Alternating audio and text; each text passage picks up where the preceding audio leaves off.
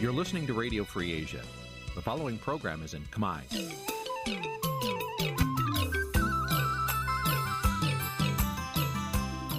Nǐ chi càm bi tiệp xáy vệt chiu a zì sê ray នេះជាកម្មវិធីផ្សាយរបស់ Vithu Azisari ជាភាសាខ្មែរ វត្តឈូអាស៊ីសេរីសូមស្វាគមន៍លោកអ្នកនាងទាំងអស់ពីរដ្ឋធានី Washington នៃសហរដ្ឋអាមេរិក បាទពីរដ្ឋធានីវ៉ាស៊ីនតោនខ្ញុំបាទសេកបណ្ឌិតសូមជម្រាបសួរអស់លោកអ្នកកញ្ញាទាំងអស់ជាទីមេត្រីយើងខ្ញុំសូមជូនកម្មវិធីផ្សាយសម្រាប់ព្រឹកថ្ងៃសៅរ៍6កើតខែបុស្សឆ្នាំឆ្លូវត្រីស័កពុទ្ធសករាជ2565ត្រូវនៅថ្ងៃទី8ខែមករាគ្រិស្តសករាជ2022បាទជាដំបូងនេះសូមអញ្ជើញអស់លោកអ្នកនាងស្ដាប់ព័ត៌មានប្រចាំថ្ងៃដែលមានមេតិការដូចតទៅ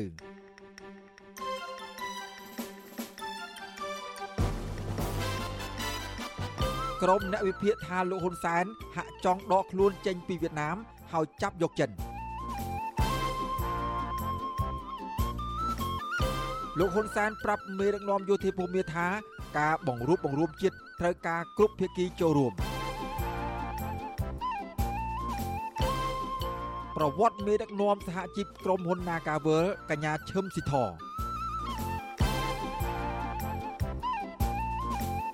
អង្គការ UNICEF រកឃើញថារបបអាហាររបស់កុមារកម្ពុជា មានសភាពដុនដាបរួមនឹងព័ត៌មានសំខាន់សំខាន់មួយចំនួនទៀតជាបន្តទៅទៀតនេះខ្ញុំបាទសេកបណ្ឌិតសូមជូនព័ត៌មានពិស្ដាបាទលោកអ្នកនាងកញ្ញាជាទីមេត្រីមេដឹកនាំយោធាមីយ៉ាន់ម៉ាឬភូមាយល់ព្រមអនុវត្តតាមគោលការណ៍5ចំណុចរបស់អាស៊ាន ក្នុងនោះរួមមានការពន្យាពេលឈប់បាញ់គ្នា ជាមួយអង្គការប្រដាប់អាវុធជនជាតិភៀតតិច រហូតដល់ចុងឆ្នាំ2022និងអនុញ្ញាតឲ្យមានការជួបពិភាក្សាគ្នា ជាមួយក្រុមភាគីពាក់ព័ន្ធទាំងអស់ក្នុងប្រទេសភូមាការបញ្ញារបស់មេដឹកនាំរដ្ឋប្រហារយោធាភូមាលោកមីនអងលៀងនៅពេលនេះធ្វើឡើងនៅក្នុងជំនួបជាមួយលោកនាយករដ្ឋមន្ត្រីហ៊ុនសែនក្នុងនាមជាប្រធានបដូវវេនអាស៊ាន កាលពីថ្ងៃទី7ខែមករា ក្នុងដំណើរទស្សនកិច្ចផ្លូវការរបស់លោកពីថ្ងៃនៅប្រទេសភូមាជំនួបនេះដែរមេដឹកនាំភូមាស្វាគមន៍រដ្ឋមន្ត្រីការបរទេសលោកប្រាក់សុខុនដែលបានតែងតាំងជាប្រេសិតពិសេសរបស់ប្រធានអាស៊ាន ស្ដីពីមីយ៉ាន់ម៉ានិងបានសន្យាផ្ដល់ការគ្រប់គ្រងដល់ប្រេសិតពិសេសនេះដើម្បីបំពេញតួនាទីរបស់ខ្លួនក្នុងការអនុវត្តកិច្ចព្រមព្រៀងជាឯកច្ឆន្ទ5ចំណុចស្របតាមធម្មនុញ្ញអាស៊ាន ក្នុងសេចក្តីប្រកាសព័ត៌មានរួមកម្ពុជាមីយ៉ាន់ម៉ា កាលពីថ្ងៃទី7មករាឲ្យដឹងថាមេដឹកនាំយោធាភូមាក៏បានសង្កត់ធ្ងន់ថាការអនុវត្តកិច្ចព្រមព្រៀងជាឯកច្ឆន្ទ5ចំណុចគួរតែជាការបំពេញបន្ថែម ដើម្បីសម្រេចបាននៅផែនទីបង្ហាញផ្លូវសម្រាប់ក្រមប្រឹក្សារដ្ឋបាល បន្ថែមពីការយល់ព្រមអនុវត្តបទឈប់បាញ់គ្នា ជាមួយអង្គការប្រដាប់អាវុធជនជាតិភៀតតិចបញ្ឈប់អំពើហិង្សានិងទទួលយកជំនួយសង្គ្រោះបន្ទាន់ដល់ពលរដ្ឋមេដឹកនាំយោធាភូមិរូបនេះ ក៏បានស្វាគមន៍ចំពោះប្រេសិតពិសេសប្រធានអាស៊ានឆ្នាំ2022ដែលជាការវិវត្តថ្មី ស្របទៅតាមគោលការណ៍កុងសុងស៊ី5ចំណុចដែលបានដាក់ចេញក្នុងជំនួបកម្ពុជាពិសេសកាលពីថ្ងៃទី24ខែមេសាឆ្នាំ2021ដើម្បីឆ្លើយតបទៅនឹងវិបត្តិនយោបាយនៅក្នុងប្រទេសមីយ៉ាន់ម៉ា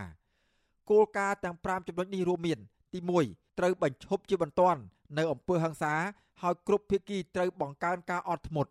ទី2 ចាប់ផ្ដើមការសន្ទនាប្រកបដោយស្ថាបនាក្នុងចំណោមភាគីពាក់ព័ន្ធដើម្បីស្វែងរកដំណោះស្រាយដោយសន្តិវិធី ទី3ប្រេសិតពិសេសរបស់ប្រធានអាស៊ាននិងសម្រួលដល់ការសម្រុះសម្រួលនៃដំណើរការរៀបចំកិច្ចសន្ទនាដោយមានជំនួយពីអគ្គលេខាធិការអាស៊ាន ទី4អាស៊ានត្រូវផ្ដល់ជំនួយមនុស្សធម៌និងទី5វិញ គឺប្រេសិតពិសេសនិងគណៈប្រតិភូនឹងធ្វើទស្សនកិច្ចនៅប្រទេសមីយ៉ាន់ម៉ាដើម្បីជួបជាមួយភាគីពាក់ព័ន្ធទាំងអស់ ក្នុងជំនួបនេះដែរលោកនាយករដ្ឋមន្ត្រីហ៊ុនសែនក៏បានសង្កត់ធ្ងន់ថាតាមបទពិសោធន៍និងមេរៀនដែលកម្ពុជាសម្រេចបានជោគជ័យនៃគោលនយោបាយឈ្នះឈ្នះដើម្បីទទួលបានសុខសន្តិភាព ស្ថិរភាព ការអភិវឌ្ឍនិងការបង្រួបបង្រួមជាតិគឺចាំបាច់ត្រូវតែមានការចូលរួមនិងកិច្ចព្រមព្រៀងគ្នា ពីគ្រប់ភាគីពាក់ព័ន្ធទាំងអស់ក្នុងស្មារតីនេះមេដឹកនាំយោធាភូមិលោកមីនអងលៀង បានធានាឲ្យមានការសម្របសម្រួលដំណើរទស្សនកិច្ចរបស់ប្រិស័ទពិសេសនៅមីយ៉ាន់ម៉ានិងការជួបជាមួយនឹងភាគីពាក់ព័ន្ធទាំងអស់រួមទាំងអង្គការប្រដាប់អាវុធជនជាតិភៀតតិចដោយពិចារណាទៅលើស្ថានភាពជាក់ស្ដែងអ្នកវិភាគនយោបាយនិងសង្គមលោកបណ្ឌិតសេងសេរីមានប្រសាសន៍ប្រាប់បទសុអាស៊ីសេរីកាលពីយប់ថ្ងៃសុក្រនេះថាលទ្ធផលជំនួបរបស់លោកនាយករដ្ឋមន្ត្រីហ៊ុនសែនជាមួយមេដឹកនាំយោធាភូមិនេះលើសពីការរំពឹងទុក ជាពិសេសគឺបញ្ឈប់ការបាញ់គ្នានិងការផ្ដល់ជំនួយជាបន្ទាន់ដល់ពលរដ្ឋភូមិលោកបណ្ឌិតសង្កត់ធ្ងន់ថាប្រសិនបើមេដឹកនាំយោធាភូមិយល់ព្រមអនុវត្តតាមកិច្ចព្រមព្រៀង5ចំណុចរបស់អាស៊ានមែននោះលោកនាយករដ្ឋមន្ត្រីហ៊ុនសែនដែលជាប្រធានបដូវវេនអាស៊ាននៅឆ្នាំ2022នេះពិតជាទទួលបាននូវកិត្តិនាមដ៏សំខាន់ក្នុងកិច្ចប្រឹងប្រែងដោះស្រាយវិបត្តិនៅក្នុងតំបន់សម្រាប់ខ្ញុំខ្ញុំមើលឃើញថាកម្ពុជាលើកនេះបានផ្ដល់នូវ គំរូមួយថ្មី ជាប្រវត្តិសាស្ត្រសម្រាប់តំបន់នៅក្នុងការហ៊ានទទួលយកហានិភ័យដើម្បីចូលទៅដោះស្រាយបញ្ហាវិបត្តិនយោបាយនៅនៅប្រទេសភូមាហើយយើងឃើញថាមុននេះប្រហែលថ្ងៃនេះយើងឃើញថាមានការរិះគន់ខ្លាំងមែនទែនទៅលើដំណើរទស្សនកិច្ចមួយនេះហើយមានអ្នកហ៊ានធានាទៅលើដំណើរទស្សនកិច្ចនេះថានឹងបរាជ័យអីជាដើមក៏ប៉ុន្តែឥឡូវនេះយើងឃើញថា រដ្ឋាភិបាលកម្ពុជាអាចធ្វើបានហើយលទ្ធផលគឺល្អមែនទែនសម្រាប់ស្ថានភាពនៅភូមារឿងបន្តទៅទៀតហ្នឹងគឺខ្ញុំគិតថាសមាជិកអាស៊ានក៏ដូចជាប្រទេសមួយចំនួនទាំងប្រទេសមហាអំណាចលោកសេរីនិងនិងមហាអំណាចចិនជាដើមហ្នឹងគឺគួរតែផ្ដោតសំខាន់ទៅលើការផ្ដល់ជំនួយមនុស្សធម៌ដោះស្រាយបញ្ហាវិបត្តិជាពិសេសវិបត្តិស្បៀងអាហារនិងការរីករាលដាលនៃជំងឺ Covid សេចក្តីប្រកាសរួមដដែលក៏បានបញ្ជាក់ថា ដើម្បីពង្រឹងប្រសិទ្ធភាពនៃការផ្ដល់ជំនួយមនុស្សធម៌ដល់ប្រជាជនមីយ៉ាន់ម៉ាថ្នាក់ដឹកនាំទាំងពីរបានគាំទ្រឲ្យមានកិច្ចប្រជុំរវាងភាគីពាក់ព័ន្ធរួមមានប្រេសិតពិសេសរបស់ប្រធានអាស៊ានអគ្គលេខាធិការអាស៊ានតំណាងមជ្ឈមណ្ឌលអាស៊ាន ដើម្បីសម្របសម្រួលក្នុងការផ្ដល់ជំនួយមនុស្សធម៌ដល់ពលរដ្ឋភូមាគេនៅមិនទាន់បានដឹងនៅឡើយថាតើលោកនាយករដ្ឋមន្ត្រីហ៊ុនសែនគ្រងជួបជាមួយអ្នកស្រីអ៊ុងសានស៊ូជី មេដឹកនាំគណៈបកប្រជាធិបតេយ្យដែលទទួលបានជ័យជំនះក្នុងការបោះឆ្នោតសកល កាលពីខែមេសាឆ្នាំ2021ដែរឬក៏ទេគិតត្រឹមចុងឆ្នាំ2021មានពលរដ្ឋភូមាជាង1300នាក់ត្រូវបានសម្លាប់ក្នុងនោះ មានកុមារជាង70នាក់និងមនុស្សប្រមាណជាង10000នាក់ត្រូវបានចាប់ខ្លួនដោយសារការបង្ក្រាបដ៏ហិង្សាទៅលើក្រុមអ្នកតវ៉ាប្រឆាំងនឹងការដឹកនាំខុសច្បាប់របស់របបសឹកយោធាភូមា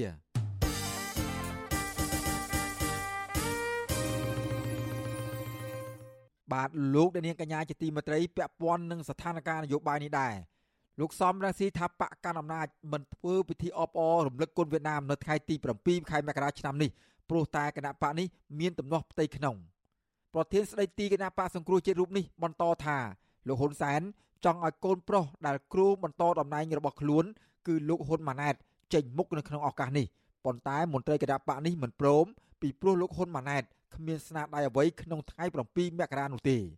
ទោះយ៉ាងណាអ្នកនាំពាក្យគណៈបកកណ្ដាលអំណាចអះអាងដដែលដដែលថាការមិនធ្វើពិធីជួបជុំគ្នាទ្រង់ទ្រាយធំក្នុងថ្ងៃ7មករាឆ្នាំនេះព្រោះដើម្បីបង្ការជំងឺ Covid-19 បាទពីរដ្ឋធានី Washington អ្នកស្រីខែសុនងរាយការណ៍ជុំវិញព័ត៌មាននេះ ប្រធានស្ដីទីគណៈបកសង្គ្រោះជាតិលោកសំរងស៊ីលើកឡើងថាថ្ងៃ7មករាឆ្នាំនេះមានភាពស្ងប់ស្ងាត់ដោយសារតែមានការខ្វែងគំនិតគ្នា ក្នុងជួរគណៈបកប្រជាជនកម្ពុជា មិនមែនដោយសារតែជំងឺ Covid-19 ឬដោយសារលោកហ៊ុនសែនធ្វើដំណើរទៅប្រទេសភូមានោះទេលោកបន្តថាលោកហ៊ុនសែនបានជ្រើសរើសថ្ងៃធ្វើដំណើរនេះដើម្បីគេចផុតពីពិធីដែលត្រូវប្រារព្ធនៅទីក្រុងភ្នំពេញថ្ងៃ7មករានេះតែម្ដង លោកបន្តទៀតថាលោកហ៊ុនសែនចង់ឲ្យលោកហ៊ុនម៉ាណែតដែលទៅតែគណៈបកតែងតាំងឲ្យធ្វើជាអ្នកបន្តវេនពីលោកចាញ់មុខចាញ់មាត់ក្នុងឱកាសនេះក្នុងចំណោមថ្នាក់ដឹកនាំគណៈបកប្រជាជនកម្ពុជាប៉ុន្តែមន្ត្រីក្រាក់ក្រាក់ក្នុងជួរបកមិនយល់ព្រមតាមសំណើលោកហ៊ុនសែនទេ ដោយសំអាងថាលោកហ៊ុនម៉ាណែតគ្មានស្នាដៃអ្វីកាលពីថ្ងៃទី7មករាឆ្នាំ1979នោះឡើយ លោកនាយករដ្ឋមន្ត្រីហ៊ុនសែននៅថ្ងៃទី7មករាបានសរសេរលើទំព័រ Facebook ថាអបអរសាទរខួបអនុស្សាវរីយ៍លើកទី43នៃថ្ងៃជ័យជំនះ7មករាប៉ុន្តែលោកមិនបញ្ជាក់ពីមូលហេតុដែលមិនបានរៀបចំពិធីជួបជុំនេះទេ ជុំវិញការមិនរៀបចំពិធីជួបជុំធំដុំក្នុងឆ្នាំនេះអ្នកនាំពាក្យគណៈបកប្រជាជនកម្ពុជាលោកសុកអេសានឲ្យវិទ្យុអាស៊ីសេរីដឹងថាដើម្បីបង្ការកុំឲ្យមានការរីករាលដាលជំងឺ Covid-19 លោកថាទោះយ៉ាងណាគណៈបកមិនបានធ្វើពិធីជួបជុំទ្រង់ទ្រាយធំនៅទីស្នាក់ការកណ្ដាលក្តីប៉ុន្តែមានការរៀបចំនៅតាមមូលដ្ឋាន និងថ្នាក់ដឹកនាំគណៈបកបានចេញសារដើម្បីអបអរថ្ងៃ7មករាលោកបញ្ជាក់ថាគ្មានការបែកបាក់ផ្ទៃក្នុងបក ហើយក៏មិនចាំបាច់ត្រូវការប្រកាសពីទួលនីតិលោកហ៊ុនម៉ាណែតក្នុងថ្ងៃ7មករានេះដែរព្រោះគណៈបកបានបោះឆ្នោតឲ្យលោកហ៊ុនម៉ាណែតធ្វើជាបេក្ខភាពនាយករដ្ឋមន្ត្រីបំរុងរួចទៅហើយអា នេះគ្រាន់តែជាការនិយាយបំផ្លើសការពិតទី1ហើយទី2ចង់បំបែកបំបាក់ផ្ទៃក្នុងគណៈបកប្រជាជនកម្ពុជាក៏ប៉ុន្តែយើងដឹងហើយថាការមហិច្ឆតាល្បិចកលពឹសពលចង់បំបែកបំបាក់ប្រទេសក្នុងកម្ពុជានេះវាមានតាំងពីជាង40ឆ្នាំហើយហើយជាពិសេសអ្នកដែលចង់បំបែកបំបាក់ប្រទេសក្នុងគណៈបកប្រជាជនកម្ពុជាបានចំនួននឹងបានស្លាប់បាត់ទៅហើយចែកឋានបាត់ទៅហើយក៏គណៈបកប្រជាជនកម្ពុជានៅតែរឹងមាំមានសាមគ្គីភាពផ្ទៃក្នុងរឹងមាំដដែលទេបាទដោយឡែកអ្នកសិក្សាការអភិវឌ្ឍសង្គមបណ្ឌិតសេងសេរីមិនស្របទៅនឹងការលើកឡើងរបស់អ្នកនាំពាក្យគណៈបកប្រជាជនកម្ពុជា ថាការមិនធ្វើពិធីជួបជុំថ្ងៃ7មករាឆ្នាំនេះព្រោះតែជំងឺ Covid-19 នោះទេ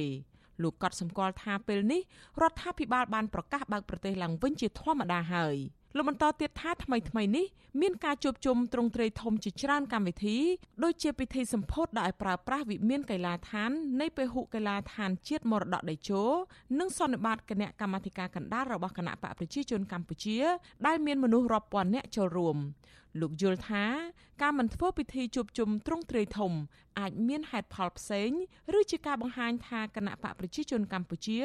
កំពុងងាកចេញពីវៀតណាមដែលប្រទេសជិតខាងមួយនេះ បានជួយគណៈបកប្រជាជនកម្ពុជារហូតបង្កើតបានថ្ងៃ7មករាឆ្នាំ1979 យើងឃើញថាហេតុផលដែលគណៈប្រជាជនលើកឡើងហ្នឹងគឺមិនសមហេតុផលទេក៏ប៉ុន្តែយើងមិនដឹងថាមូលហេតុអីពិតប្រាកដទេក៏ប៉ុន្តែខ្ញុំមានខ្ញុំមានសមត្ថកម្មមួយថាប្រហែលជា7មករាឬក៏សារ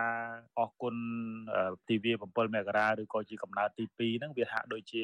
លែងមានប្រសិទ្ធភាពនៅក្នុងបរិបទសង្គមខ្មែរជាពិសេសនៅក្នុងបច្ចុប្បន្នដែលសម្បូរទៅដោយយុវជនណាហើយ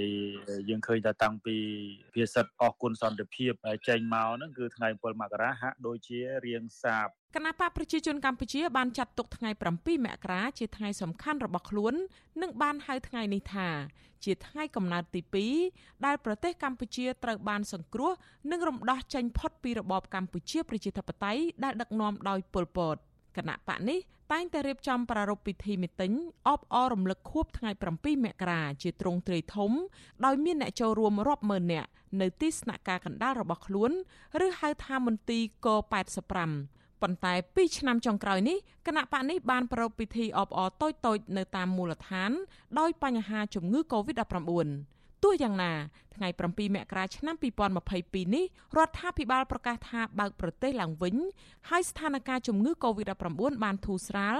និងបានបិទបញ្ចប់ព្រឹត្តិការណ៍ឆ្លងជំងឺ Covid-19 ជាលក្ខណៈទ្រង់ទ្រាយធំហើយក្តីប៉ុន្តែគណៈបកប្រជាជនកម្ពុជា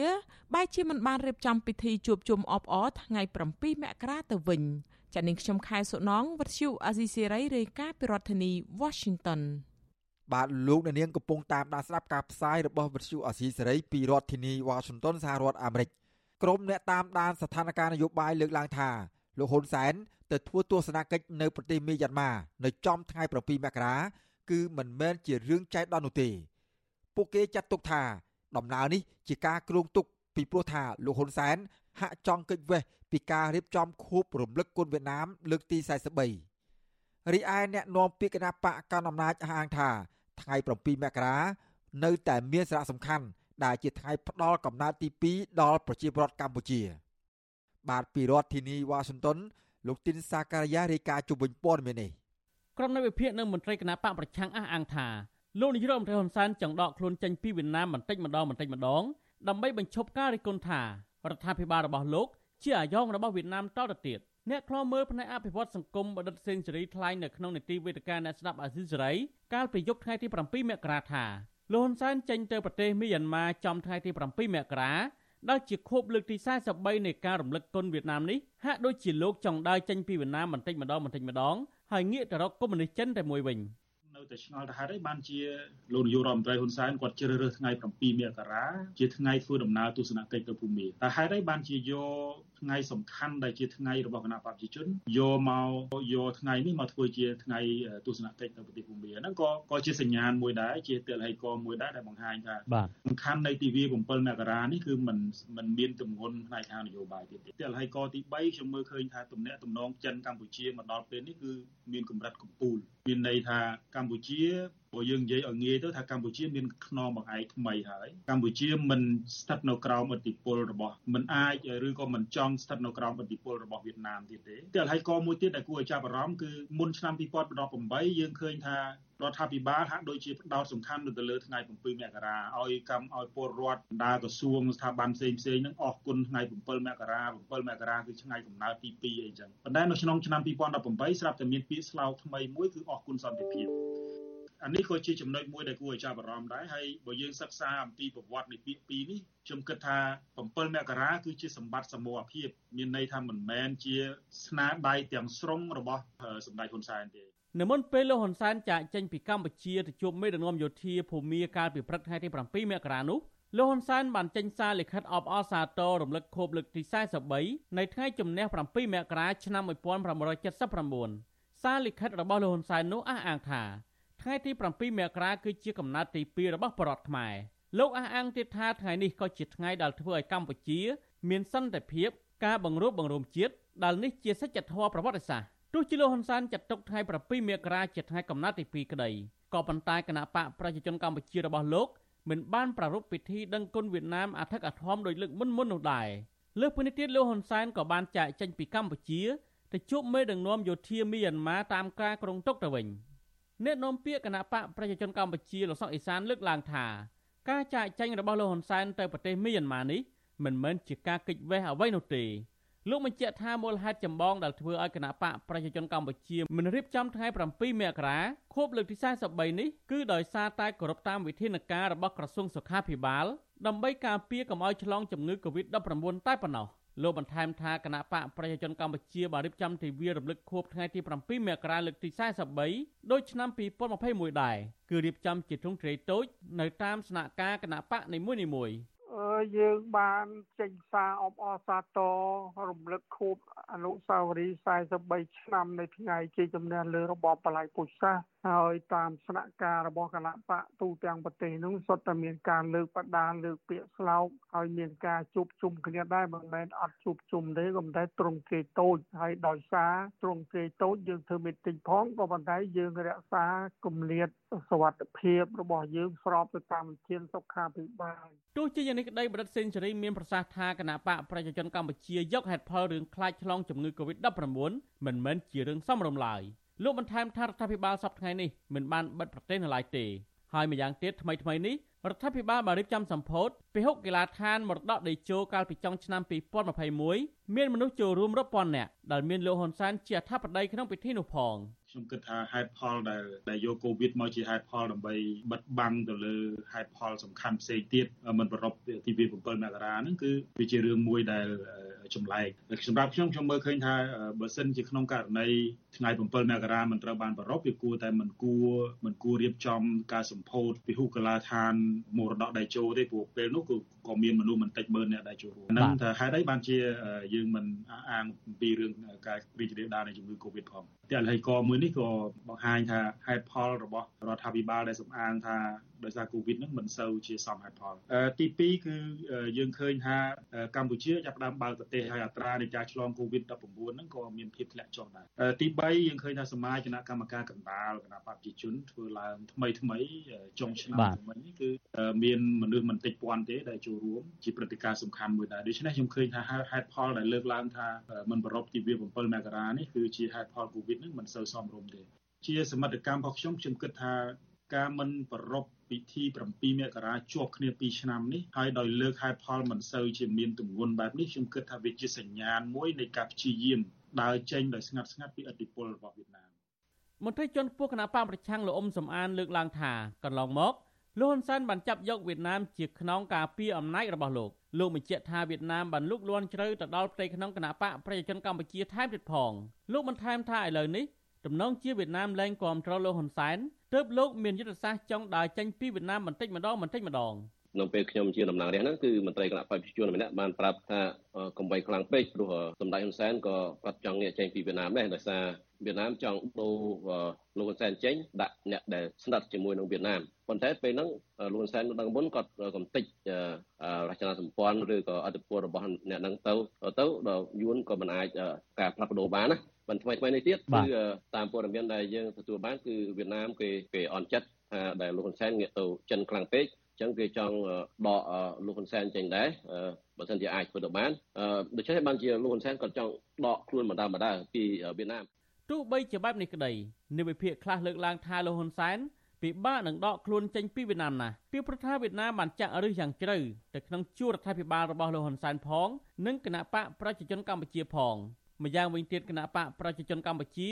ត្រូវបានបង្កើតឡើងដោយអតីតមេដឹកនាំវៀតណាមដែលមានឈ្មោះដើមជាគណៈបកបដិវត្តខ្មែរបង្កើតឡើងនៅក្នុងឆ្នាំ1951ក្រោយមកគណៈបកនេះបានបដូរឈ្មោះមកជាគណៈបកប្រជាជនកម្ពុជាវិញហើយលើកបន្ទាប់លោកហ៊ុនសែនជានាយករដ្ឋមន្ត្រីក្រោយពីថ្ងៃ7មករាឆ្នាំ1979មកដល់បច្ចុប្បន្នថ្មីថ្មីនេះទៀតនៅស្របពេលលោកហ៊ុនសែនចង់ដាក់លោកហ៊ុនម៉ាណែតជាបេក្ខភាពនាយករដ្ឋមន្ត្រីនោះ មេដឹកនាំវៀតណាមបានទៅទទួលទានអាហារដល់ផ្ទះលោកហ៊ុនសែននៅមុនពេលគណៈបកកណ្ដាលអំណាចជ្រើសរើសលោកហ៊ុនម៉ាណែតជាបេក្ខភាពនាយករដ្ឋមន្ត្រីបន្តពីលោកហ៊ុនសែនតែ2ថ្ងៃប៉ុណ្ណោះនៅវិភាគមើលឃើញថាមេដឹកនាំវៀតណាមទៅដល់ផ្ទះលោកហ៊ុនសែននេះជាការជួយសម្រាប់សម្រួលផ្ទៃក្នុងគណៈបកកណ្ដាលអំណាចដើម្បីកុំឲ្យចំទាស់ផែនការរបស់លោកហ៊ុនសែនក្នុងការជ្រើសរើសកូនរបស់លោកឲ្យក្លាយជាបេក្ខភាពនាយករដ្ឋមន្ត្រីនៅពេលខាងមុខក្រៅពីនេះទៀតលោកហ៊ុនសែនពិបាកនឹងរើខ្លួនចេញពីវៀតណាមដោយសារតែវៀតណាមធ្លាប់មានគុណមកលើក្រុមគ្រួសារលោកផង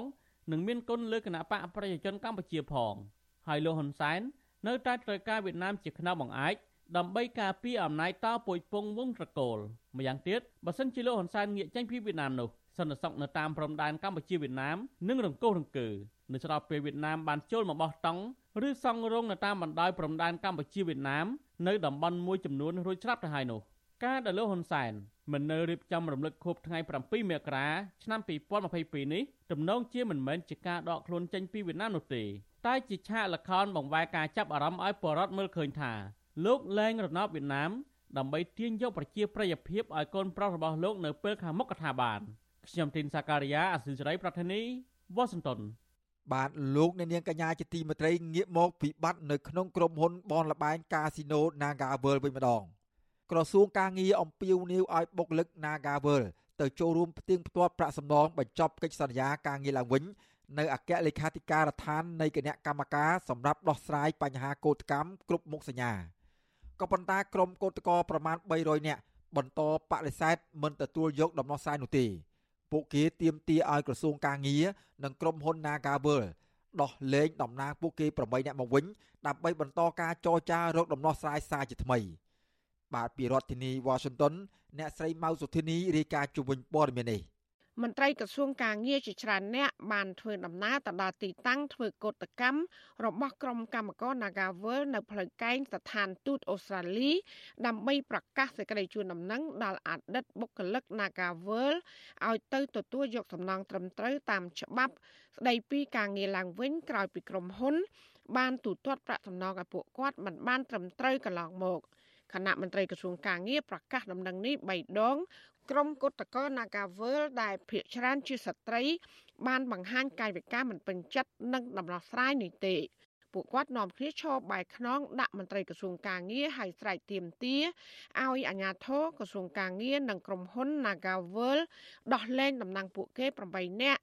ឲ្យមានត្រីភាពឡើងវិញដើម្បីចូលតុចរចាដោះស្រាយបញ្ចប់វិវាទការងារនេះជំនួសពួកគាត់ ពីថ្ងៃ7មករាឆ្នាំ2022គាត់មកប្រកាសថាចូលតុចរចាតើសួរថាតំណាងខ្ញុំនៅឯណាឋាននៅទាំងដែលក្រុមហ៊ុនណាកាវចិត្តពួកគាត់នៅនេះស្រ័យបញ្ហាកោតកម្មតាមគ្រប់មុខសញ្ញា បុគ្គលិកម្នាក់ក្នុងចំណោមបុគ្គលិកជាង300នាក់ដែលត្រូវបានក្រុមហ៊ុន Nagavel បញ្ឈប់ពីការងារគឺកញ្ញានប់តិតបូរាវីថ្លែងថាពួកគាត់មិនអាចទទួលការដោះស្រាយបានទេខណៈតំណាងសហជីព8នាក់កំពុងជាប់ឃុំក្នុងពន្ធនាគារយ៉ាងអយុត្តិធម៌ កញ្ញាទៀមទាឲ្យអាជ្ញាធរដោះលែងតំណាងកម្មករ8នាក់មកវិញពីព្រោះកម្មករទាំងអស់បានផ្ដល់សិទ្ធិឲ្យពួកគាត់ចេញមុខចរចាដើម្បីរកដំណោះស្រាយការងារជូនពួកគាត់ ខ្ញុំយល់ថា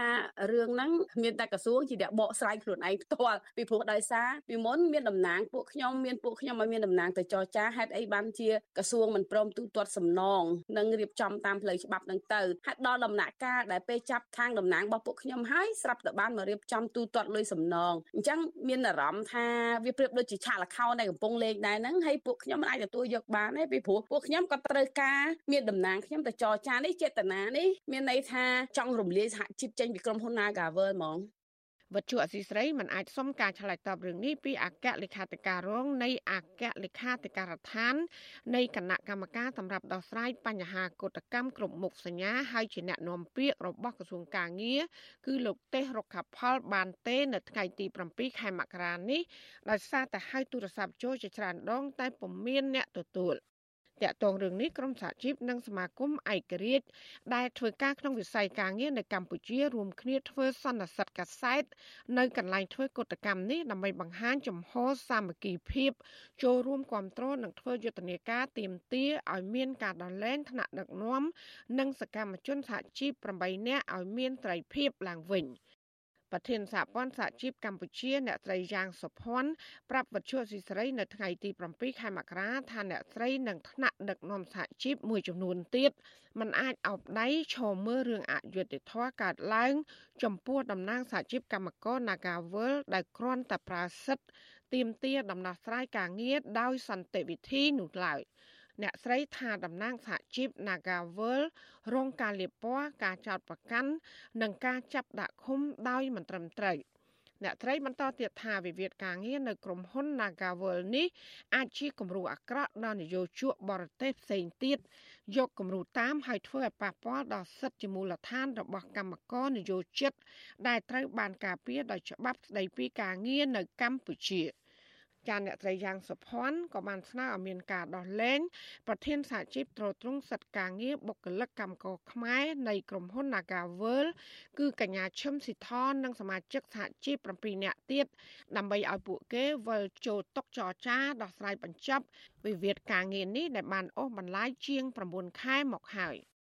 ជាការពិតណាបើសម្រាប់សំណុំពររបស់ពួកយើង ទី1តតែមានការដោះលែងក្រុមតំណាងពួកគាត់សិនអញ្ចឹងណាទើបយើងឲ្យមានការចរចាបន្ទាប់ពីនឹងបានអញ្ចឹងណាហើយបើសិនណាគ្មានការដោះលែងទេហើយបន្ទាប់មកយើងទៅចរចាយើងសួរថាចរចាអីបើតំណាងរបស់ពួកគេត្រូវបានគេចាប់បាត់អីហ្នឹងហើយទៅចរចាអីអញ្ចឹងណា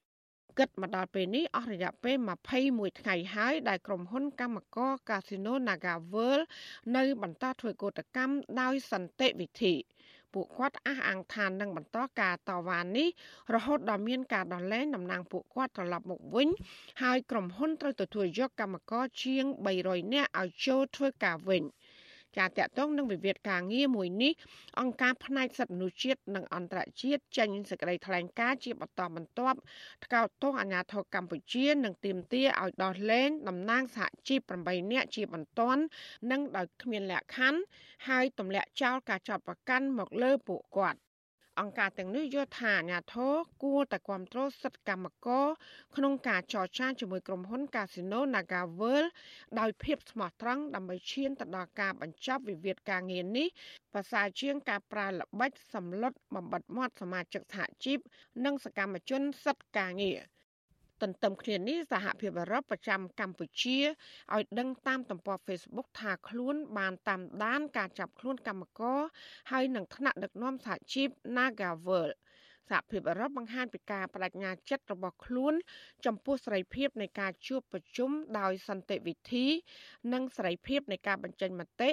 គឺមិនគួរត្រូវបានដាក់ឲ្យស្ថិតនៅក្រោមការគំរាមកំហែងនៃទណ្ឌកម្មក្រមប្រមត្តននោះទេ ស្ថានទូតមួយនេះអំពាវនាវឲ្យភាគីទាំងអស់បន្តការចរចាឡើងវិញហើយស្វែងរកដំណោះស្រាយដោយសន្តិវិធីចាននាងខ្ញុំម៉ៃសុធានីវិទ្យុអាស៊ីស្រីប្រធានាធិបតី Washington បាទលោកអ្នកនាងកញ្ញាជាទីមេត្រីប្រធានសហជីពក្រុមហ៊ុន Nagavel ជាស្ត្រីវ័យក្មេងគឺកញ្ញាឈឹមស៊ីធហ៊ានលះបង់សេរីភាពរបស់ខ្លួនជាប់ពន្ធនាគារទាមទារឲ្យមានការដោះស្រាយវិវាទការងារគោរពសិទ្ធិសហជីពនិងមានយុត្តិធម៌នៅកន្លែងធ្វើការ។ កញ្ញាឈឹមស៊ីធមានទឹកចិត្តមោះមុតហ៊ានដើរចូលវងកោតកោខណៈអាញាធរប្រកាសរោគមុខនិងចោទថាមេខ្លោងញុះញង់នាំឲ្យមានការតវ៉ាបង្កភាពវឹកវរដល់សន្តិសុខសង្គមនិងជាក្រុមមនុស្សបដិវត្តពណ៌ប្រឆាំងនឹងរដ្ឋាភិបាលតើកញ្ញាឈឹមស៊ីធជានរណាហើយនាងបានធ្វើអ្វីខ្លះបាទលោកនាងនឹងបានស្ដាប់សេចក្តីរាយការណ៍ពិស្ដារអំពីរឿងនេះនាពេលបន្តិចទៀត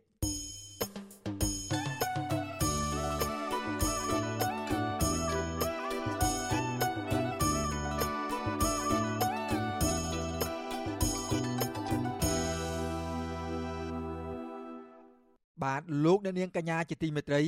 កម្មវិធីផ្សាយរបស់វិទ្យុអាស៊ីសេរីក្រៅពីផ្សាយតាមបណ្ដាញសង្គម Facebook និង YouTube នោះលោកអ្នកនាងក៏អាចស្ដាប់កម្មវិធីផ្សាយរបស់យើង ដំណើរគ្នាតាមរយៈរលក ធាតុអាកាសខ្លីឬ Shortwave ពេលព្រឹកចាប់ពីម៉ោង5កន្លះដល់ម៉ោង6កន្លះតាមរយៈរលក ធាតុអាកាសខ្លី9390 kHz ស្មើនឹងកម្ពស់ 32m និង11850 kHz ស្មើនឹងកម្ពស់ 25m ចំណែកនៅពេលយប់ចាប់ពីម៉ោង7កន្លះដល់ម៉ោង8កន្លះតាមរយៈរលក ធាតុអាកាសខ្លី9390 kHz ស្មើនឹងកម្ពស់ 32m និង15155 kHz ស្មើនឹងកម្ពស់ 20m បាទសូមអរគុណ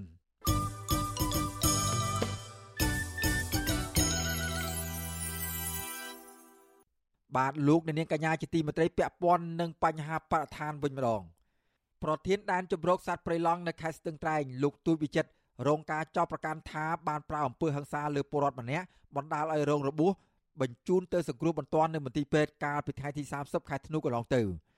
មន្ត្រីសម្របសម្រួលសមាគមអាត6ខេត្តស្ទឹងត្រែងលោកប៊ីវ៉ានីប្រាប់បទសុអាស៊ីសេរីនៅថ្ងៃទី7មករាថា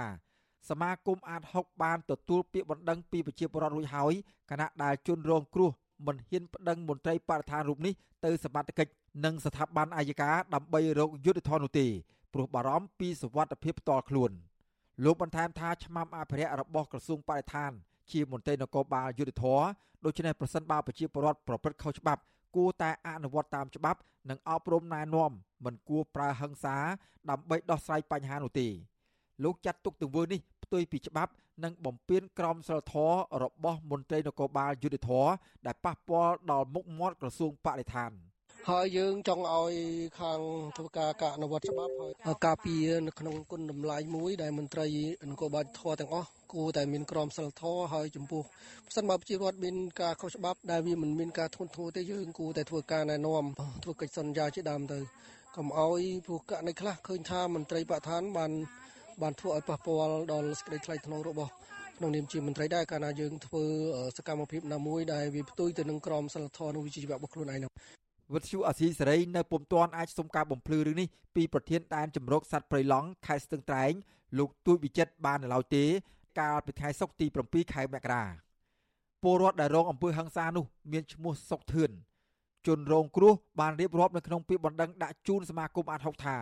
កាលពីចុងខែធ្នូកន្លងទៅមន្ត្រីបរិស្ថានមានគ្នា6នាក់ដឹកនាំដោយលោកទូចវិចិត្រ បានវាយទាត់ធាក់រូបលោកបណ្ដាលឲ្យរបួសជើង នៅពេលដែលលោកកំពុងកាន់ស្នាដើម្បីបាញ់ជ្រូកព្រៃនៅចំការដំឡូងមីស្ថិតនៅភូមិអន្លង់ភេឃុំអន្លង់ភេស្រុកថ្លាបរិវត្ត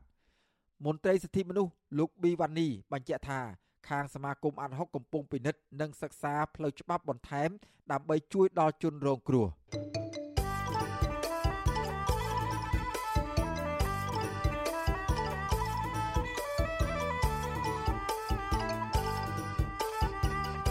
បានលោកនាងកញ្ញាជាទីមេត្រីពាក់ព័ន្ធនឹងស្ថានភាពជំងឺ Covid-19 វិញម្ដងក្រសួងសុខាភិបាលរកឃើញថាជំងឺ Covid-19 ចំនួន11ករណីថ្មីទៀតដែលសុទ្ធតែជាករណីនាំចូលនិងជាមេរោគបំផ្លែងខ្លួនថ្មីអូមីក្រុងចំពោះករណីស្លាប់វិញក្រសួងប្រកាសថាมันមានអ្នកស្លាប់ថ្មីនោះទេនៅថ្ងៃដដែលនេះគិតត្រឹមថ្ងៃទី7ខែមករាកម្ពុជាមានអ្នកកើតជំងឺ Covid-19 ប្រមាណ120,000នាក់ ក្នុងនោះអ្នកជាសះស្បើយមានជាង110,000នាក់និងអ្នកស្លាប់មានចំនួន3015នាក់ក្រសួងសុខាភិបាលប្រកាសថាគិតត្រឹមថ្ងៃទី6ខែមករារដ្ឋាភិបាលបានចាក់វ៉ាក់សាំងគ្រប់ដូសជូនប្រជាពលរដ្ឋជាង13លាននាក់ក្នុងចំណោមប្រជាពលរដ្ឋដែលត្រូវចាក់វ៉ាក់សាំងប្រមាណ14លាននាក់ដែលរាប់ពីកុមារអាយុ5ឆ្នាំរហូតដល់មនុស្សពេញវ័យ។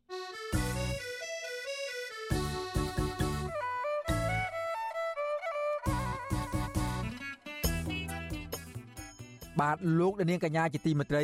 ក្រៅពីការតាមដានស្ដាប់ការផ្សាយរបស់វិទ្យុអស៊ីសេរីតាមបណ្ដាញសង្គម Facebook YouTube Telegram លោកអ្នកនាងក៏អាចតាមដានស្ដាប់ការផ្សាយរបស់យើងខ្ញុំតាមរយៈបណ្ដាញសង្គម Instagram របស់វិទ្យុអស៊ីសេរីតាមរយៈតំណភ្ជាប់ www.instagram.com/rfa ខ្មែរ វិទ្យុអសីស្រីបន្តខិតខំផ្សព្វផ្សាយព័ត៌មានពិតទៅកាន់បងប្អូនតាមរយៈបណ្ដាញសង្គមផ្សេងផ្សេងនិងសម្បូរបែបដើម្បីលោកដានាងងាយស្រួលតាមដានការផ្សាយរបស់វិទ្យុអសីស្រីគ្រប់ពេលវេលា និងគ្រប់ទីកន្លែងតាមរយៈទូរស័ព្ទរបស់អស់លោកដានាង បាទសូមអរគុណ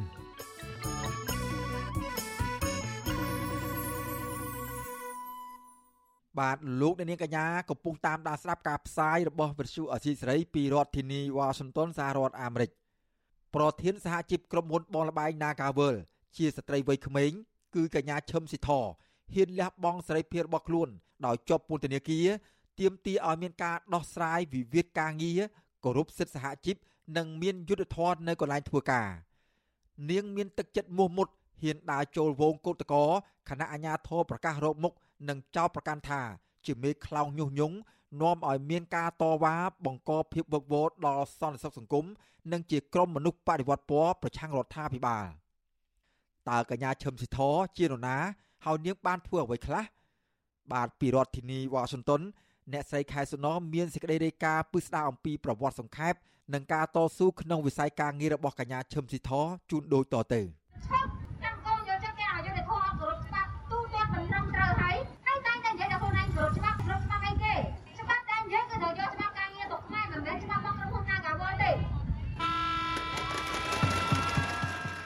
កញ្ញាឈឹមស៊ីធកាន់ក្បាលមីក្រូស្រែកក្នុងចំណោមអ្នកតវ៉ាទៅកាន់ក្រុមហ៊ុន Nagaworld ឲ្យចេញមកដោះស្រាយវិវាទការងារឲ្យពួកគេ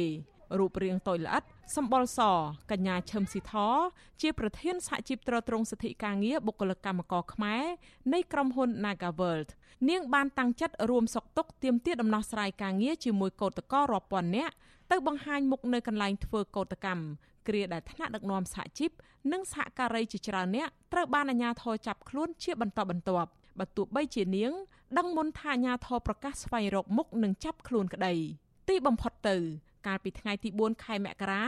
នាងត្រូវបានអាជ្ញាធរស្លៀកពាក់ស៊ីវិលជាច្រើន មានមៀតធំធំឡោមព័ទ្ធចាប់ខ្លួនភ្លាមភ្លាមនៅពេលនាងចុះពីរថយន្តដើរចូលទៅក្នុងវងកោតកោ ទាមទារឲ្យក្រុមហ៊ុន Naga World ដោះស្រាយវិវាទការងារយកថ្នាក់ដឹកនាំសហជីពរួមទាំងបុគ្គលិកចំនួន365នាក់ចូលធ្វើការវិញ និងបញ្ឈប់ការរើសអើងសហជីព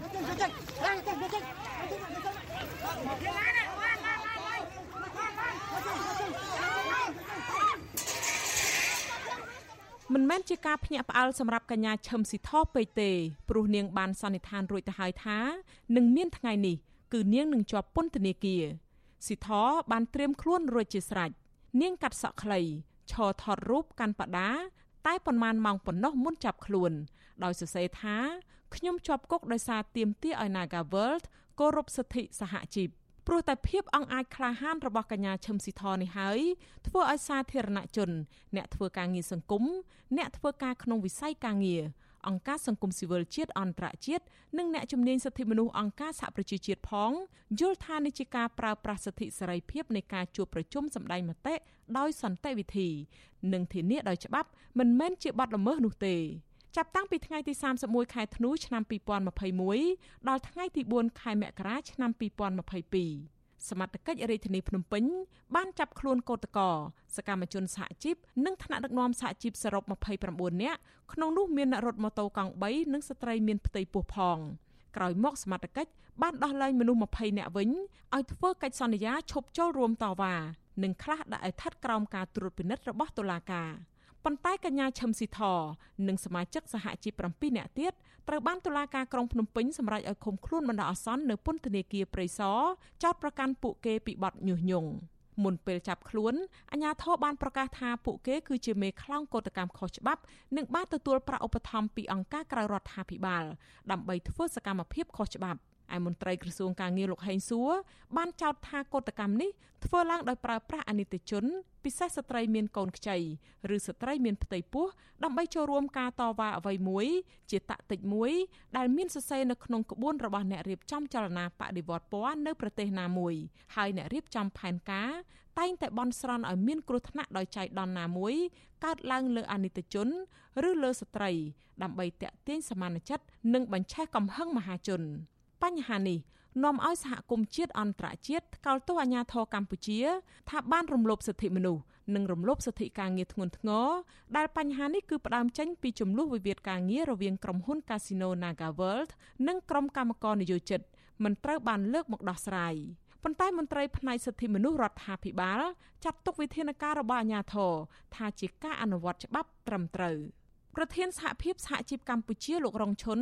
យល់ថាការដែលក្រសួងការងារអំពាវនាវឲ្យបុគ្គលិក Nagaworld ទៅដោះស្រាយវិវាទក្រោយចាប់ខ្លួនកញ្ញាឈឹមស៊ីធនិងមេដឹកនាំសហជីពនោះគឺជារឿងមិនសមហេតុសមផលខណៈពួកគេធ្វើតាមនីតិវិធីជាង8ខែមកហើយតែគ្មានដំណោះស្រាយ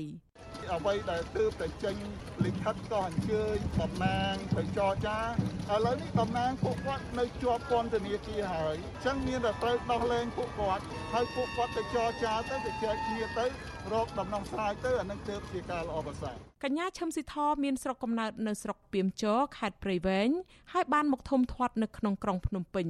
នៅពេលឪពុកម្ដាយដែលជាអ្នករកស៊ីបានផ្លាស់ប្ដូរទីលំនៅចេញពីខេត្តព្រៃវែង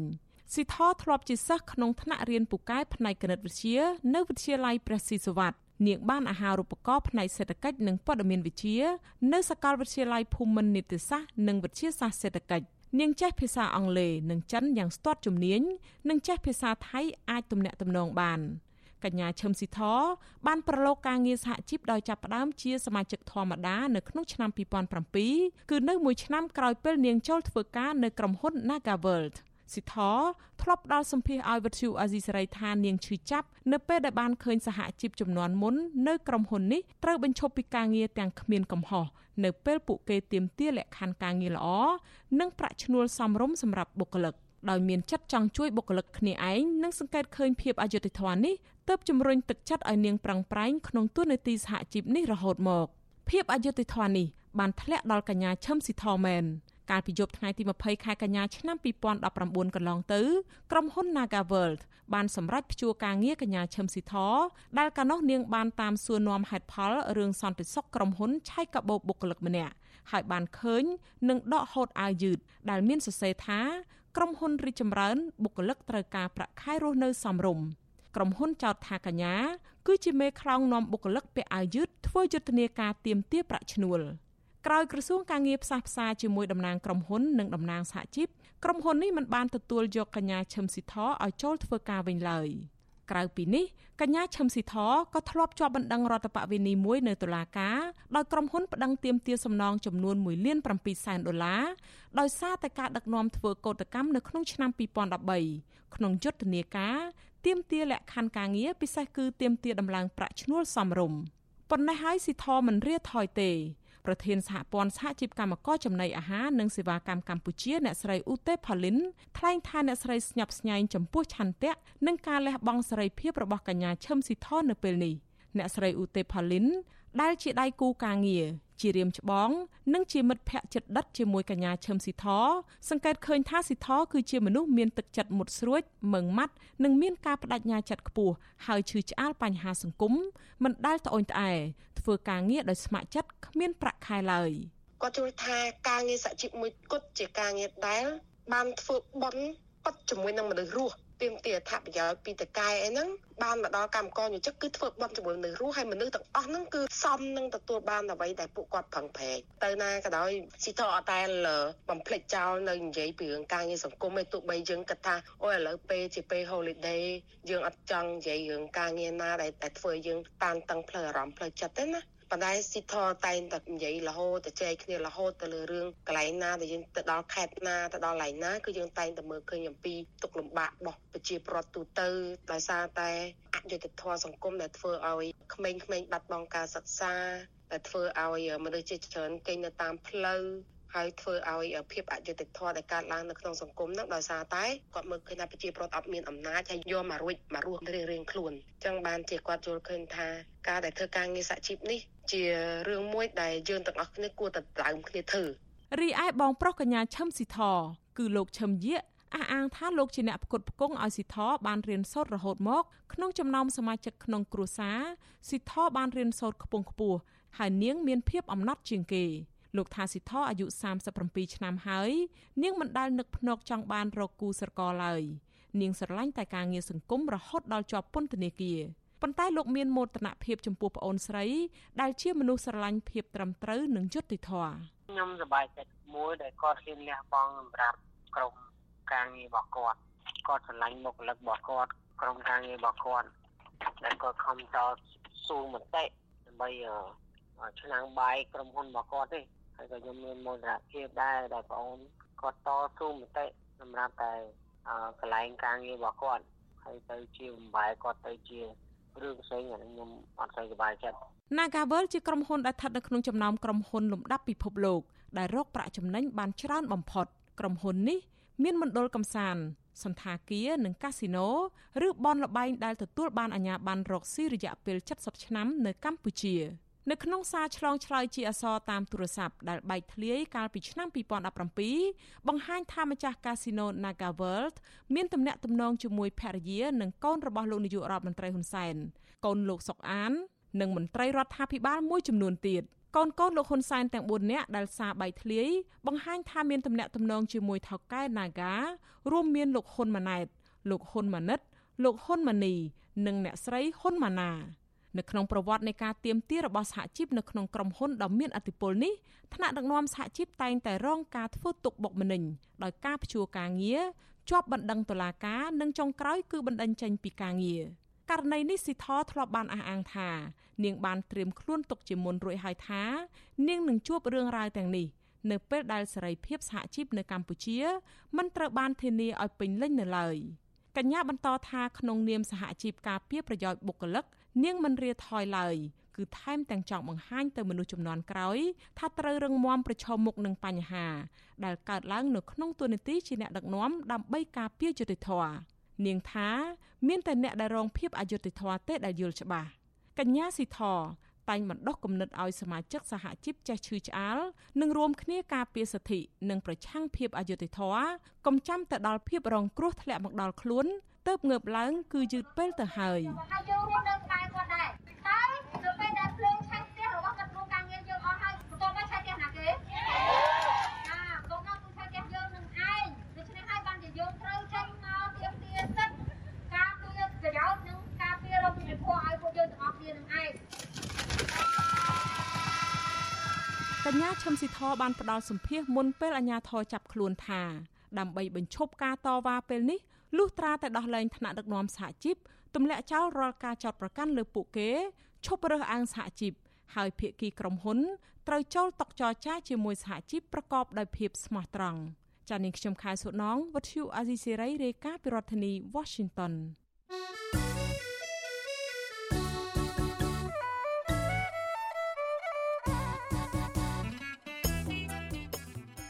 បាទលោកនាងកញ្ញាជាទីមេត្រីក្រៅពីការតាមដានស្ដាប់ការផ្សាយរបស់វិទ្យុអស៊ីសេរីតាមបណ្ដាញសង្គម Facebook YouTube Telegram លោកអ្នកនាងក៏អាចតាមដានស្ដាប់ការផ្សាយរបស់យើងខ្ញុំតាមរយៈបណ្ដាញសង្គម Instagram របស់វិទ្យុអស៊ីសេរីតាមរយៈតំណភ្ជាប់ www.instagram.com/rfa ខ្មែរ វិទ្យុអសីស្រីបន្តខិតខំផ្សព្វផ្សាយព័ត៌មានពិតទៅកាន់បងប្អូនតាមរយៈបណ្ដាញសង្គមផ្សេងៗនិងសម្បូរបែបដើម្បីលោកដានាងងាយស្រួលតាមដានការផ្សាយរបស់វិទ្យុអសីស្រីគ្រប់ពេលវេលា និងគ្រប់ទីកន្លែង តាមរយៈទូរស័ព្ទរបស់អស់លោកដានាង បាទសូមអរគុណ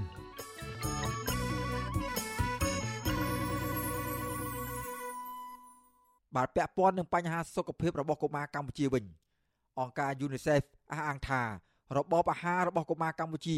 មិនត្រឹមតែគ្មានភាពប្រសើរឡើងនោះទេ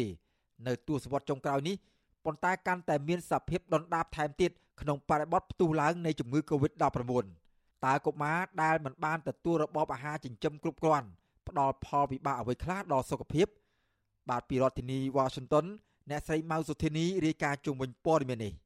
បញ្ហាកង្វះអាហារូបត្ថម្ភរបស់កុមារនាំឲ្យប៉ះពាល់យ៉ាងខ្លាំងដល់ការលូតលាស់ទាំងរូបកាយនិងបញ្ញាស្មារតីរបស់កុមារក្រុមវិជ្ជបណ្ឌិតជំនាញកុមារឲ្យដឹងថាកុមារអាយុក្រោម5ឆ្នាំ ដែលមិនទទួលបានរបបអាហារឬក៏សារធាតុចិញ្ចឹមគ្រប់គ្រាន់បណ្ដាលឲ្យពួកគេក្រិនរូបរាងកាយមិនលូតលាស់ស្គមស្គាំងស្លេកស្លាំងនិងមានប្រព័ន្ធការពារខ្លួនខ្សោយជាដើម ចាប់បញ្ហាទាំងនេះគឺជាមូលហេតុដែលនាំឲ្យកុមារឧស្សាហ៍ឈឺគ្រុនប្រសាយរាគរូសហើយនៅពេលពួកគេធំឡើងច្រើនកើតជំងឺរ៉ាំរ៉ៃរួមមានជំងឺបេះដូង និងជំងឺទឹកនោមផ្អែម។ចាម្ចាស់ clinic មេតានៅរាជធានីភ្នំពេញលោកវិជ្ជបណ្ឌិតហៀងរតនាមានប្រសាសន៍ប្រាប់វັດឈូអសីសេរីថាពុកម្ដាយនិងអាណាព្យាបាលត្រូវតែយកចិត្តទុកដាក់ថែទាំកុមារជាពិសេស គឺត្រូវផ្ដល់អាហារូបត្ថម្ភមកពួកគេគ្រប់គ្រាន់ដើម្បីការលូតលាស់រាងកាយនិងបញ្ញាស្មារតីក៏ប៉ុន្តែលោកថាបញ្ហាកម្រិតជីវភាព ធ្វើឲ្យអាណាព្យាបាលជាច្រើនគ្មានលទ្ធភាពទិញម្ហូបអាហារដែលសម្បូរទៅជីវជាតិនិងសារធាតុចិញ្ចឹមសម្រាប់កូនកូនរបស់ពួកគេនោះឡើយក្មេងកង្វះអាហារូបត្ថម្ភគឺច្រើនណាស់10នាក់សន្តា6 7នាក់អីមានបញ្ហាកង្វះអាហារូបត្ថម្ភហើយវាមានមូលហេតុច្រើនទី1ហ្នឹង គឺដោយសារចំណេះដឹងឪពុកម្ដាយហ្មងមួយទៀតដោយសារក្មេងអត់ចង់ញ៉ាំហើយមួយទៀតដោយសារកត្តាជីវភាពជាពិសេសប្រទេសដែលជីវភាពនៅមានកម្រិតដូចកម្ពុជាយើងហ្នឹងពួកគាត់អត់ទៅមានពេលប្រព័ន្ធមើលថែកូនពួកគាត់មានបញ្ហាលុយកាក់រឿងទិញចំណីអាហារឲ្យកូនមួយទៀតក៏ពួកគាត់មិនសូវមានចំណេះដឹងដែរដូចយើងឃើញហើយនៅតាមតាមសុខសេតាមជនបទអីហ្នឹងតែខ្លះមុំតែទឹកបបរក៏ថ្មីតែចេះញ៉ាំបាយបញ្ចុកតែបាយ ជាមួយទឹកស៊ីអ៊ីវហត់ទឹកត្រឡហ្នឹងអត់ទៅឲ្យញ៉ាំសាច់ទេក្មេងគឺត្រូវការជាតិសាច់ច្រើនរបាយការណ៍របស់អង្គការ UNICEF ដែលបានចេញផ្សាយកាលពីថ្ងៃទី21ខែកញ្ញាឆ្នាំ2021មានចំណងជើងថាចិញ្ចឹមអបរាជ័យឬវិបត្តិនៃរបបអាហាររបស់កុមារក្នុងអំឡុងពេលដំបូងនៃជីវិត បានបង្ហាញថាការកើនឡើងនៃភាពក្រីក្រ គ្រោះមហន្តរាយដោយសារអាកាសធាតុនិងស្ថានភាពអាសន្នផ្នែកសុខភាពដូចជាការឆ្លងរាតត្បាតសកលនៃជំងឺ Covid-19 កំពុងរួមចំណែកធ្វើឲ្យមានវិបត្តិអាហារូបត្ថម្ភចំពោះមនុស្សវ័យក្មេងមិនបានប្រសើរឡើងទេនៅរយៈពេល10ឆ្នាំចុងក្រោយនេះក៏ប៉ុន្តែស្ថានភាពកង្វះអាហារូបត្ថម្ភរបស់កុមារកាន់តែមានសភាពដុនដាបថែមទៀត។ របាយការណ៍ដដែលរកឃើញថានៅប្រទេសកម្ពុជាកុមារម្នាក់ក្នុងចំណោម3នាក់មានបញ្ហាក្រិន និងម្នាក់ក្នុងចំណោម10នាក់មានរាងកាយស្គមស្គាំងការស្រូបយកសារធាតុចិញ្ចឹមមិនបានល្អក្នុងរយៈពេល2ឆ្នាំដំបូងនៃជីវិតរបស់កុមារគឺធ្វើឲ្យអន្តរាយដោយមិនអាចស្រោចស្រង់បានដល់រាងកាយនិងខួរក្បាល ដែលកំពុងលូតលាស់យ៉ាងឆាប់រហ័សរបស់កុមារ នៅពេលដែលកុមារចាប់ផ្ដើមបដូរទៅញ៉ាំអាហាររឹងក្នុងចំណោមកុមារ3នាក់គឺមានម្នាក់តែប៉ុណ្ណោះដែលទទួលបានរបបអាហារចម្រុះគ្រប់គ្រាន់គ្រូពេទ្យជំនាញឯកទេសទូទៅលោកវិជ្ជបណ្ឌិតហៀងរតនាបញ្ជាក់ថាអាហារូបត្ថម្ភសម្រាប់គុតផ្គងកុមារចែកចេញជា3ប្រភេទគឺអាហារសាងសង់អាហារធម្មពលនិងអាហារការពារ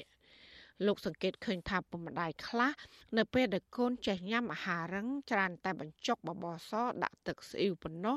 ហើយដែលនេះมันអាចមានសារធាតុចិញ្ចឹមគ្រប់គ្រាន់នោះឡើយក្មេងត្រូវការអាហារសាងសង់អាហារសាងសង់នោះសំខាន់នៅក្នុងជាតិសាច់ចំណែកអាហារការពារនៅក្នុងបន្លែផ្លែឈើអាហារខាំពុលនៅក្នុងពួកអាហារដែលសម្បូរជាតិផ្អែមជាតិម្សៅអញ្ចឹងក្មេងគឺត្រូវការការលូតលាស់ការត្រូវការអាហារសាងសង់អាហារដែលសម្បូរជាតិសាច់អញ្ចឹងនៅពេលដែលគាត់ញ៉ាំជាតិសាច់ឲ្យបានគ្រប់គ្រាន់គឺធ្វើឲ្យ គាត់ខ្វះគាត់ឈាមគាត់ខ្វះការលូតលាស់បញ្ញាស្មារតីគូក្បាលគាត់អីហ្នឹងក៏លូតលាស់អត់បានល្អដែរអញ្ចឹងគឺត្រូវញ៉ាំសាច់ឲ្យបានក្មេងមកខួបអីទៅមួយថ្ងៃត្រូវការជិតសាច់មួយខាំអីនោះហើយពួកគាត់ពេលខ្លះមួយថ្ងៃអត់បានញ៉ាំសាច់អីតិចផងអញ្ចឹងគឺឃើញពួកគាត់ចាប់ផ្ដើមពីខ្វះគាត់ឈាមជុំខ្លាំងក្បាលពោះធំហើយក្មេងហ្នឹងគឺអត់ទៅមានបញ្ញាទេលោកវិជ្ជបណ្ឌិតផ្ដល់ដំណោមានថាក្មេងចាប់ពីអាយុ6ខែឡើងទៅ បន្ថែមពីការបើទឹកដោះគោឬក៏ទឹកដោះម្ដាយត្រូវការឲ្យញ៉ាំបបរកិនដាក់សាច់និងបន្លែគ្រប់មុខបញ្ចុកកូនយ៉ាងតិច3ដងក្នុងមួយថ្ងៃបន្ថែមពីនេះឪពុកម្ដាយត្រូវយកកូនទៅពិនិត្យសុខភាពរៀងរាល់3ខែម្ដង ដើម្បីពិនិត្យមើលការលូតលាស់របស់វាក្មេងពីកើតមកយើងអាចញ៉ាំបំរទឹកដោះទឹកដោះម្ដាយសុទ្ធឬក៏ទឹកដោះគោបើមិនជាមានបញ្ហាណាមួយឬក៏ម្ដាយអត់មានទឹកដោះយើងអាចញ៉ាំទឹកដោះគោដែលមានសារធាតុចិញ្ចឹមគ្រប់គ្រាន់ ឬក៏ញ៉ាំតែទឹកដោះម្ដាយប៉ុន្តែនៅពេលដែលចាប់ពី6ខែទៅទឹកដោះម្ដាយចាប់ផ្ដើមចង្វាស់ជីជាតិហើយសាច់ជីជាតិអត់អត់អាចផ្ដល់សារធាតុគ្រប់គ្រាន់ដើម្បីចិញ្ចឹមកូនចាប់ពី6ខែឡើងទៅទេអញ្ចឹងក្រសួងឬក៏អង្គការសុខភាពពិភពលោកនឹងណែនាំឲ្យញ៉ាំបបរគ្រប់គ្រឿងដែលមានជាតិសាច់ជាតិបន្លែហើយអាចបន្ថែមផ្លែឈើញ៉ាំក្រៅបានសុខខ្មែរយើងមានឃើញថាពេលក្មេងឡើងធំតិចពួកគាត់ចេះឲ្យចាយលុយទិញនំចំណីប្រទេសប្រដាស់ទៅទៅធ្វើក្មេងឡើងគ្លឿនបាយមួយទៀតត្រឡប់អាក្រក់មួយទៀតពួកគាត់ចូលចិត្តឲ្យ បើទឹកដោះគោប្រដាស់ទឹកដោះគោប្រដាស់ហ្នឹងអត់ទៅមានសារធាតុចិញ្ចឹមទេអត់មានជាតិប្រូតេអ៊ីនវីតាមីនអីគ្រប់គ្រាន់ទេវាសម្បូរទៅជាតិផ្អែមជាតិស្ករការអង្កេតស្រាវជ្រាវមួយនៅកម្ពុជាដែលធ្វើឡើងដោយអង្គការ UNICEF កម្មវិធីស្បៀងអាហារពិភពលោកនិងដៃគូផ្សេងទៀតចាប់ពីខែសីហាឆ្នាំ2020ដល់ខែកក្កដាឆ្នាំ2021បានរកឃើញថាប្រជាប្រដ្ឋប្រមាណពី40ដល់50% កំពុងមានបញ្ហាប្រាក់ចំណូលធ្លាក់ចុះហើយដែលនាំឲ្យពួកគាត់ត្រូវការកាត់បន្ថយការចំណាយទិញម្ហូបអាហារដែលជាហេតុនាំឲ្យប៉ះពាល់ដល់របបអាហាររបស់ពួកគេជាពិសេសគឺកុមារនិងក្មេងជំទង់។ បន្ថែមពីនេះការស្រាវជ្រាវក៏បានរកឃើញផងដែរថានៅក្នុងខែកក្កដាឆ្នាំ2021កន្លងមកនេះកុមារនៅកម្ពុជាដែលមានអាយុក្រោម5ឆ្នាំ គឺមានត្រឹមតែ35%ប៉ុណ្ណោះដែលបានញ៉ាំអាហារក្នុងកម្រិតដែលអាចទទួលយកបានជាអបបរមាបញ្ហាកង្វះអាហារូបត្ថម្ភនេះ បណ្ដាលឲ្យប៉ះពាល់ដល់ការសិក្សារៀនសូត្ររបស់កុមារប៉ះពាល់ដល់សមត្ថភាពធ្វើការងារលទ្ធភាពប្រកបមុខរបរនិងអនាគតទាំងស្រុងរបស់ពួកគេនៅពេលដែលពួកគេធំពេញវ័យចាននាងខ្ញុំម៉ៃសុធានីវិទ្យុអាស៊ីសេរីប្រធានាធិបតី Washington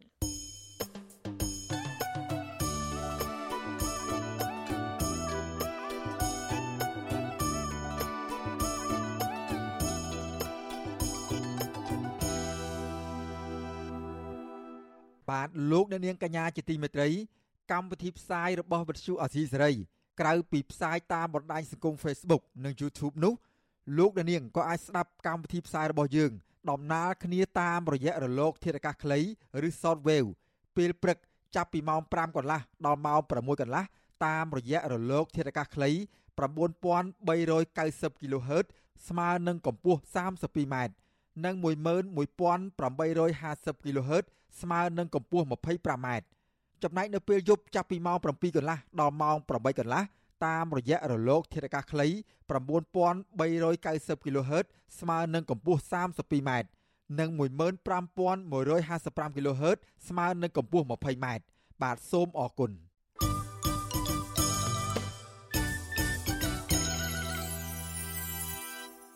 បាទលោកអ្នកនាងកញ្ញាជាទីមេត្រី ការផ្សាយរយៈពេល1ម៉ោងរបស់វិទ្យុអាស៊ីសេរីសម្រាប់ព្រឹកនេះចប់តែប៉ុណ្ណេះខ្ញុំបាទសេកបណ្ឌិតព្រមទាំងក្រុមការងារទាំងអស់នៃវិទ្យុអាស៊ីសេរីសូមជូនពរដល់អស់លោកអ្នកនាងឲ្យជួបប្រកបតែនឹងសេចក្តីសុខចម្រើនរុងរឿងកំបីគ្លៀងគ្លាតឡើយខ្ញុំបាទសូមអរគុណនិងសូមជម្រាបលា